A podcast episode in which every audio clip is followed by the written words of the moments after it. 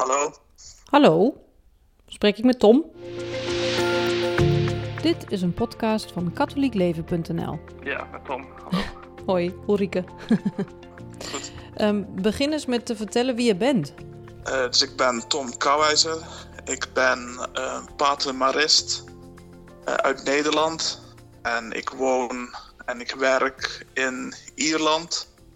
Dus hier werk ik in een parochie uh, sinds uh, twee jaar, sinds mijn uh, priesterwijding. En tegelijkertijd studeer ik nog. Ik werk aan een, aan een doctoraat ook nog. dus het is deeltijdstudie en deeltijds werk in de parochie. Ik ben 32. Een patermarist, wat is dat? Een patermarist, dat betekent dat ik dus priester ben dat ik ook lid ben van een religieuze orde, een religieuze congregatie. In mijn geval is dat uh, de Sociëteit van Maria. Dus dat is een internationale orde binnen de kerk. En de leden daarvan, uh, onze stichter, dat is uh, Jean-Claude Collin. was een Franse priester uit de 19e eeuw.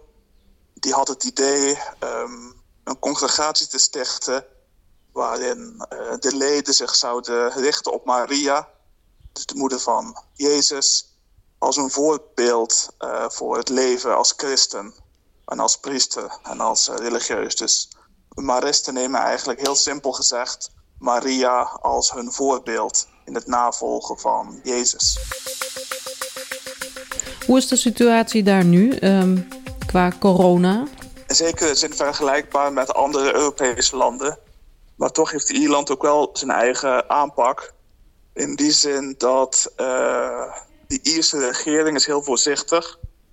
Dus in die zin hebben we heel lang best een hele strenge lockdown gehad. Uh, sinds uh, maart tot eigenlijk deze week. Waarin mensen uh, eigenlijk thuis moesten blijven. Dus niet verder dan twee kilometer van de eigen woning. En werkelijk alles was dicht. Dus nu zijn ze begonnen met um, een exit-strategie. Maar deze is ook best wel langzaam. Want maandag was dus de eerste fase is ingegaan. Maar eigenlijk is dat enkel dat mensen nu in de tuin mogen werken. En dat uh, bouwvakkers weer kunnen beginnen. Maar alles nog steeds dicht. En er zijn dus vijf van die fases met drie weken tussen uh, iedere fase. Dus een heel langzaam proces om weer terug naar uh, normaal of het nieuwe normaal dan te gaan. En kerken die moeten dicht blijven, of althans geen vieringen tot 20 juli. Dus dat is nog wow. een lange tijd. Dat is echt heel lang, ja. En hoe kom je dan in Ierland terecht? Um, nou, dat is omdat ik uh, in feite, zoals ik al zei, het is een, een internationale orde. Dus ik ben in 2010 uh, ben ik eigenlijk begonnen aan het proces om uh, marist te worden in Nederland. Want in Nederland heb je dus ook maristen. Uh, en in mijn uh, geboortestad, geboorteplek Hulst in Zeeland zijn de maristen ook. Dus zo kende ik de maristen. Maar vanwege uh, nu de teruglopende aantallen natuurlijk... en het feit dat de gemiddelde leeftijd binnen een congregatie ook steeds hoger wordt... is de opleiding internationaal dus ik ben in verschillende landen geweest tijdens mijn, uh, mijn opleiding. In Engeland, in Nieuw-Zeeland, in Italië en andere plekken. Maar uiteindelijk, uh, voor de laatste fase, ben ik naar Ierland uh, gegaan. Dus dat was eigenlijk een soort pastorale stage in 2016. En toen ik klaar was met die stage en ook priester gewijd werd... toen werd mij eigenlijk gevraagd vanuit het bestuur om hier nog te blijven en in de parochie te werken. Wat voor soort parochie of gemeente zit je? Nou, het is een parochie in, uh, in Dublin, in de stad zelf. In uh, wat ze dan noemen de South Inner City. Dus echt wel in, in de binnenstad zelf. Het is een echt, nou ja, ik zou kunnen zeggen, een volksparochie. een volksbuurt. Met heel veel mensen die toch echt, wat ze dan zeggen hier, real dubs. Dus echt uh, echte Dubliners. Dus wat dat betreft een heel interessante ervaring wel. het is ook een wijk waar toch de nodige zijn uitdagingen zijn, sociaal gezien, best veel drugs, problematiek. En veel gezinnen die toch wel in moeilijke situaties zijn. Tegelijkertijd is er in de parochie ook een hele grote groep mensen die niet daarmee te maken hebben, maar die wel naar de parochie komen dus wat dat betreft ook uh, in die zin behoorlijk gemixt. Uh, de mensen die hier uh, naar de kerk komen voor de mis, maar ook voor doopsels, voor uitvaarten, voor de verschillende redenen waarom ze dus naar ons toe komen. En heb jij het idee dat je voor hen ook echt iets kan betekenen? Um, nou ja, goed. ja, op zich wel. Dus ja. maar uh, het is natuurlijk wel zo dat Ierland, net als Nederland, maar Ierland op uh, haar eigen manier toch ook wel heel erg worstelt met um, nou ja, de ontkerkelijking. En ook met de plek van de kerk in de maatschappij en de manier waarop mensen de kerk beleven. En zeker bij jongere uh, mensen is dat toch in die zin onwennig en ik zou ook zeggen dat er een zekere, uh, soms een zekere gespletenheid is, als ik het zo kan zeggen. Mhm. Dat mensen enerzijds nog heel erg hechten aan de rituelen, maar heel veel moeite hebben, of moeite, of zich niet echt op hun gemak voelen bij wat je dan zou kunnen noemen de inhoud van het geloof. Dus als uh, priester uh, is het niet, niet altijd makkelijk in die zin, want enerzijds wil je natuurlijk mensen respecteren uh, waar zij zelf staan.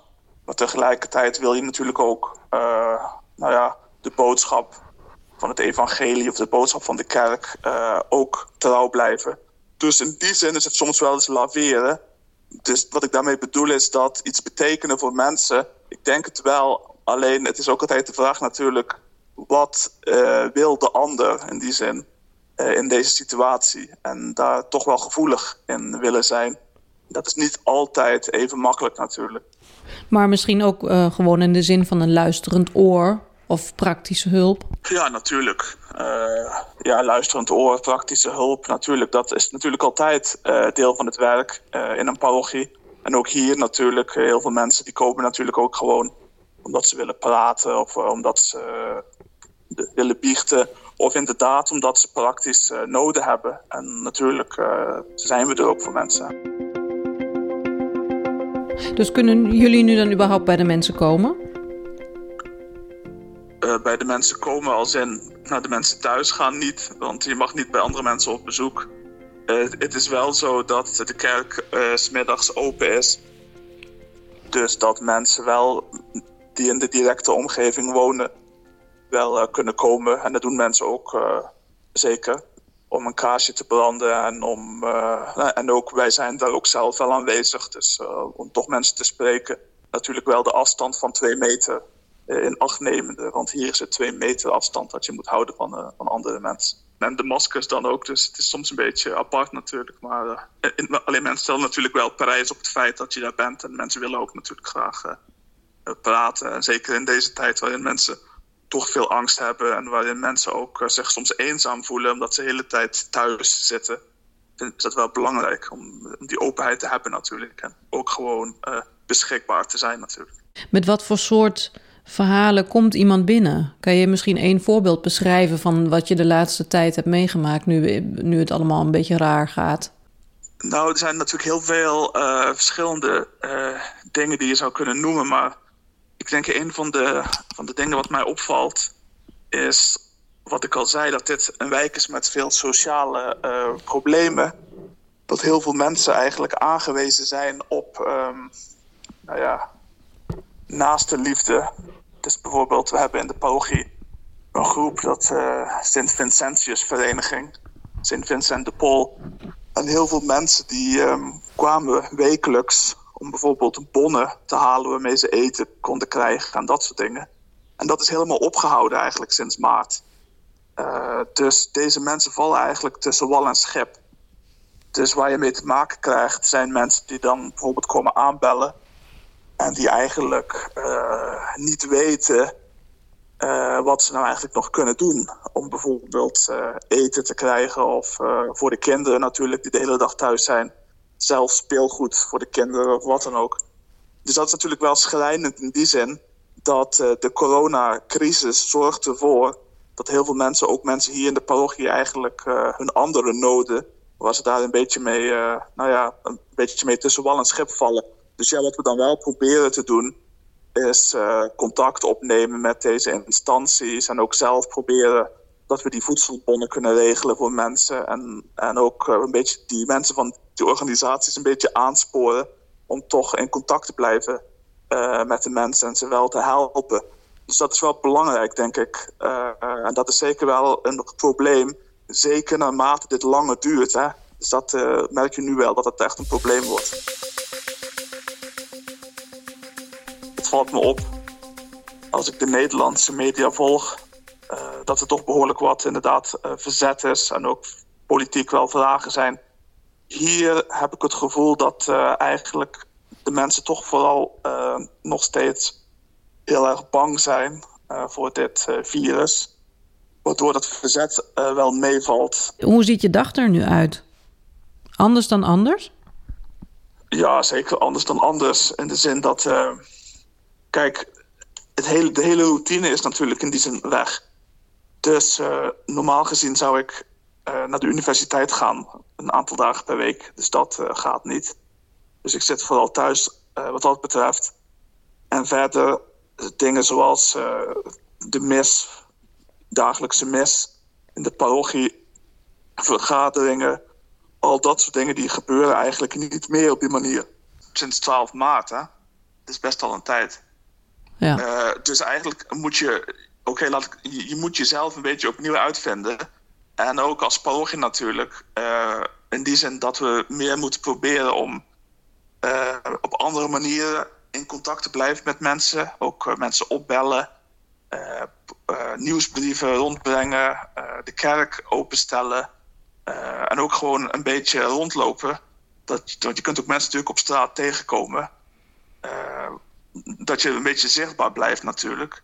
Dus in die zin is, is het niet zo dat het nu niks meer te doen is. In feite is er heel veel te doen. Alleen je moet wel heel creatief zijn, denk ik. Ja. Om te zien wat is er nou wel mogelijk. En uh, je moet ook het initiatief nemen, want je kunt natuurlijk de hele dag thuis zitten. En daar heb je een goed excuus voor om dat te doen. Alleen dat zou eigenlijk een behoorlijke misser zijn, denk ik. Dan, dan mis je echt een belangrijke kans. En dan mis je trouwens ook echt je verantwoordelijkheid. Want je moet je verantwoordelijkheid juist nemen in dit soort tijden. Met alle beperkingen van die natuurlijk. En het contact met mensen, want daarvoor, daar ben je ook voor, toch eigenlijk? Uh, ja, zeker. Dat is zeker belangrijk. En dat is inderdaad iets wat je dus op andere manieren moet, uh, moet doen. Alleen dat is wel, heb ik wel het gevoel dat dat wel lukt. en zeker de vaste parochianen, die blijven zeker wel in contact. Het is natuurlijk ook zo dat um, parochianen natuurlijk vaste kerkgangers vaak ook wel oudere mensen zijn. En dat is in Nederland. Dus voor hen is dit ook extra moeilijk natuurlijk. Want in Ierland, als je ouder dan 70 bent, dan mocht je lange tijd het huis helemaal niet, uh, niet verlaten. Dus als je dan zo eigenlijk in je eigen huis gevangen zit als oude, ook al is het voor een goede reden, is het toch wel zeer zwaar. Dus om hen regelmatig te bellen en ook af en toe iets door de brievenbus uh, te doen, is zeker ontzettend belangrijk, denk ik. Dat moeten we niet onderschatten, hoeveel goed dat kan doen bij mensen, denk ik. Nou ja, iedere dag probeer je dan een beetje met mensen in contact te blijven. Natuurlijk een, paar mensen die je dan op, een dag opbelt. Maar ja, natuurlijk is het probleem natuurlijk ook dat zo'n lockdown wordt eigenlijk heel snel afgekondigd. En dan kom je er ook achter dat je eigenlijk van heel veel mensen niet uh, telefoonnummer hebt bijvoorbeeld. ja. dus, of, zelfs, of, of, of, dat je zelfs eigenlijk niet eens precies weet waar ze wonen natuurlijk. Ja. Sommige mensen weet je wel. Maar er zijn heel veel parochianen die je heel, heel vaak ziet in het weekend. Maar eigenlijk weet je niet precies. Je weet ongeveer waar ze wonen. Maar ja, dan moet je er eigenlijk achterkomen uh, waar ze wonen en hun telefoonnummer. Dus ja, dat via via probeer je daar dan achter te komen. En natuurlijk heb je ook te maken met dataprotectie en dat soort dingen. Dus mm. dat is hmm. allemaal niet zo heel makkelijk soms. Dus wat dat betreft was het wel een uitdaging aan het begin om dat allemaal uh, een beetje op gang te krijgen. Maar het is wel echt gelukt. En bovendien, de mensen nemen zelf ook initiatieven natuurlijk om zelf te bellen en zelf te zeggen van hé hey, hallo hier ben ik. Zeggen ze dan ik verveel me of ik ben eenzaam? ja, eenzaam natuurlijk. En ook uh, bang natuurlijk. En ook ongerust natuurlijk. En heel veel mensen uh, hebben ook kinderen die in andere landen wonen. Bijvoorbeeld, hè. Vond de Ieren zijn wat dat betreft wel echt een soort uh, migratielustig volkje. Dus heel veel oudere mensen die hier wonen, hun kinderen die wonen in Duitsland of in België of in Amerika of in Japan zelfs iemand. Hmm. Dus zij zijn wel ongerust in die zin. Wanneer zal ik mijn dochter weer zien? Of wanneer kan mijn zoon weer komen? En wat gebeurt er als ik nu bijvoorbeeld ziek zou worden? Of als ik, uh, nou ja, in het ergste geval zou overlijden met de uitvaart, dan kunnen zij daar wel bij zijn. En, en wat dat betreft is er wel echt een soort uh, angst natuurlijk bij mensen en een grote onzekerheid uh, Ja. waar ze mee te maken hebben natuurlijk. Uh, wat Maar- natuurlijk vreselijk is. En heb je daar dan antwoorden op? Dat lijkt me best mo- moeilijk om dan te zeggen, nou, eh, hier heb je wat hapklare antwoorden. Dat, die zijn er natuurlijk niet. Nee, er zijn natuurlijk geen hapklare antwoorden natuurlijk. Eh, je kunt natuurlijk luisteren eh, naar mensen. En eh, dat is denk ik al belangrijk, omdat mensen gewoon soms heel weinig aanspraak hebben in deze tijd. Mhm. Er naar luisteren. En ook gewoon ehm, in die zin denk ik eh, het erkennen dat het inderdaad echt eh, een legitiem gevoel is. Of een legitieme angst is die En- ze hebben. Niet, niet, te, niet te zeggen van ja, inderdaad. maar gewoon te laten voelen van inderdaad. Van ik begrijp dat, dat dit aan de hand is. En, en in die zin ook wat dat betreft empathie hebben natuurlijk. Ja, het is een moeilijke tijd. En ik denk ook niet proberen het eh, te bagatelliseren of het weg te praten of zo. Of te zeggen van ach ja, het komt wel goed. Of eh, nou ja, ach ja, je hebt tegenwoordig Skype of zo. Want dat kan soms pijnlijker zijn dan het daadwerkelijk gewoon aan te horen. Ja. En ik denk ook vanuit het geloof natuurlijk, als mensen eh, een geloof hebben natuurlijk en eh, vertrouwen hebben in God, wat deze mensen natuurlijk wel hebben als vast parochianen, kan dat ook helpen natuurlijk. Als je alleen al even zegt, ik zal eh, voor je bidden of ik zal bidden voor, voor je kinderen. Ja, het, het gaat niet om een hele preek te gaan houden aan de telefoon. Maar gewoon eventjes zoiets kan eigenlijk al veel betekenen voor mensen. Of te zeggen, ik brand een kaars. En als priesters eh, zeggen wij nog wel de mis hier in de kerk eh, onder elkaar. Dus als privé-mis eigenlijk, hè, zonder mensen erbij. Mhm. Dus we zeggen dan, we zullen de mis opdragen voor, ja, voor, voor jouw noden of, als of eh, voor een overledene bijvoorbeeld en dit soort dingen. Ja. En dat betekent wel veel voor mensen. Wel mooi. En knap dat je dat dan allemaal opzet zo.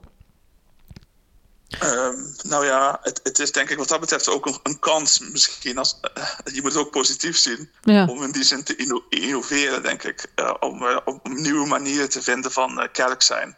Want ik denk sommige van deze dingen die zouden misschien eigenlijk al, al langer. En dan niet per se dat telefoneren, maar bijvoorbeeld ehm, eh, via internet en dit soort dingen. eh, Facebook. Om, om daar wat meer gebruik van te maken. Mhm. eh, is, is op zich wel belangrijk. Alleen dat kun je makkelijk voor je uitschuiven. Alleen deze Ja. tijd eh, helpt wel om dat echt eh, op te pakken, denk ik. En deze tijd is dat je enige dat je hebt. Inderdaad, telefoon, online, alles op afstand. Klopt. Dat klopt inderdaad, ja. Het, het, is, het is gewoon echt, eh, e- echt zo. En het is gewoon echt, eh, wat dat betreft, een vreemde, vreemde tijd. Maar ja, je moet ook proberen, denk ik, dan de positieve kanten ervan te zien en ervan te leren. Ja. Tot 20 juli geen eh, missen. Ehm, en de andere maatregelen. Ja, worden in. Nederland wordt het nou al behoorlijk losgelaten. In andere landen mondjesmaat. In Europa in ieder Ja. geval wel. Hoe is het daar? Klopt. Langzaam dus. Nee, het is echt eh, ja, ontzettend langzaam. Alles is dicht eigenlijk. Dus eh, alle winkels zijn dicht, behalve supermarkten en eh, apotheken. Zelfs parken en bossen en stranden waren tot voor kort hermetisch afgesloten. Dus het is echt, wat dat betreft, echt ja, heel streng. En Dus zijn, ja, zijn er, pas in de, in de loop, sorry, in, Nee, in de af, loop ja. van juni wo- worden eigenlijk pas weer dingen openge, opengegooid. Winkels en dit soort dingen. Dus, ja. want zijn er veel mensen ziek geworden daar dan? Zijn de cijfers heel slecht? Nou ja, ik, eh, ik ben niet zo heel goed met de getallen, moet ik Maar- zeggen. Dus ik heb ze natuurlijk niet paraat allemaal. In, in mijn ogen, eh, voor, voor zover ik weet, is het wel allemaal een stuk minder eh, erg dan ze hadden verwacht. Mhm. Alleen, ik denk, ik denk aan het begin, toen ging het wel behoorlijk snel omhoog. Dat er bijvoorbeeld op één dag een verdubbeling was van het aantal eh, besmette gevallen. En in één dag een verdubbeling was van het aantal IC-opnames. Dus uh, toen was het wel behoorlijk in de paniek geschoten.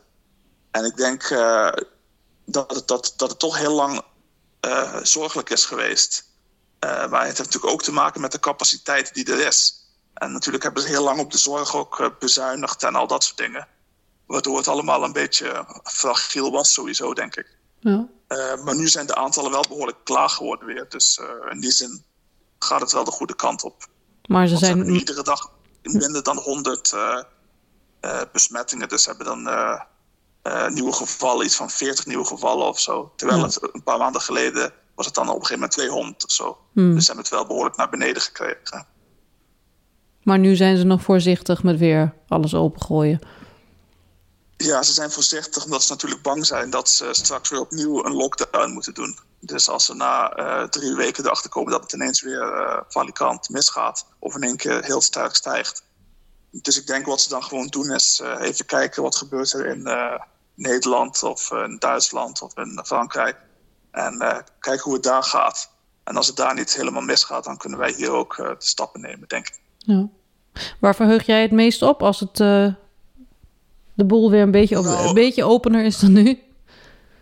Nou ja, er zijn natuurlijk verschillende dingen. Kijk, vanuit mijn werkgezin of vanuit ja, mijn werkgezin zou ik zeggen... natuurlijk zou ik heel blij zijn als uh, gewoon weer de mis op zondag weer gewoon uh, uh, mogelijk is. Dat is natuurlijk een heel belangrijk moment in de week, de zondagsmis. Waarin je gewoon heel veel mensen ziet en wat gewoon altijd heel mooi is. En dat zie ik na naar uit. Maar waar ik ook naar uitzie, is natuurlijk mijn eigen situatie als Nederlander in het buitenland hoop ik dat ik toch uh, weer zou kunnen vliegen om weer uh, naar Nederland te gaan op een gegeven moment voor vakantie of mijn familie te zien. Want ik had al een, kleine vakantie gepland in, uh, in april die ik heb moeten afzeggen. Mijn familie zou komen in maart, hebben ze moeten afzeggen. Dus in die zin, met de hele luchtvaart en alles, natuurlijk een eiland waar we op zitten maak ik me wat dat betreft wel zorgen, ook over mezelf natuurlijk, dat ik wel gewoon graag dat contact uh, met Nederland en ook gewoon het kunnen reizen, dat, dat is voor mij wel belangrijk. Dit was een podcast van katholiekleven.nl. Bedankt voor het luisteren.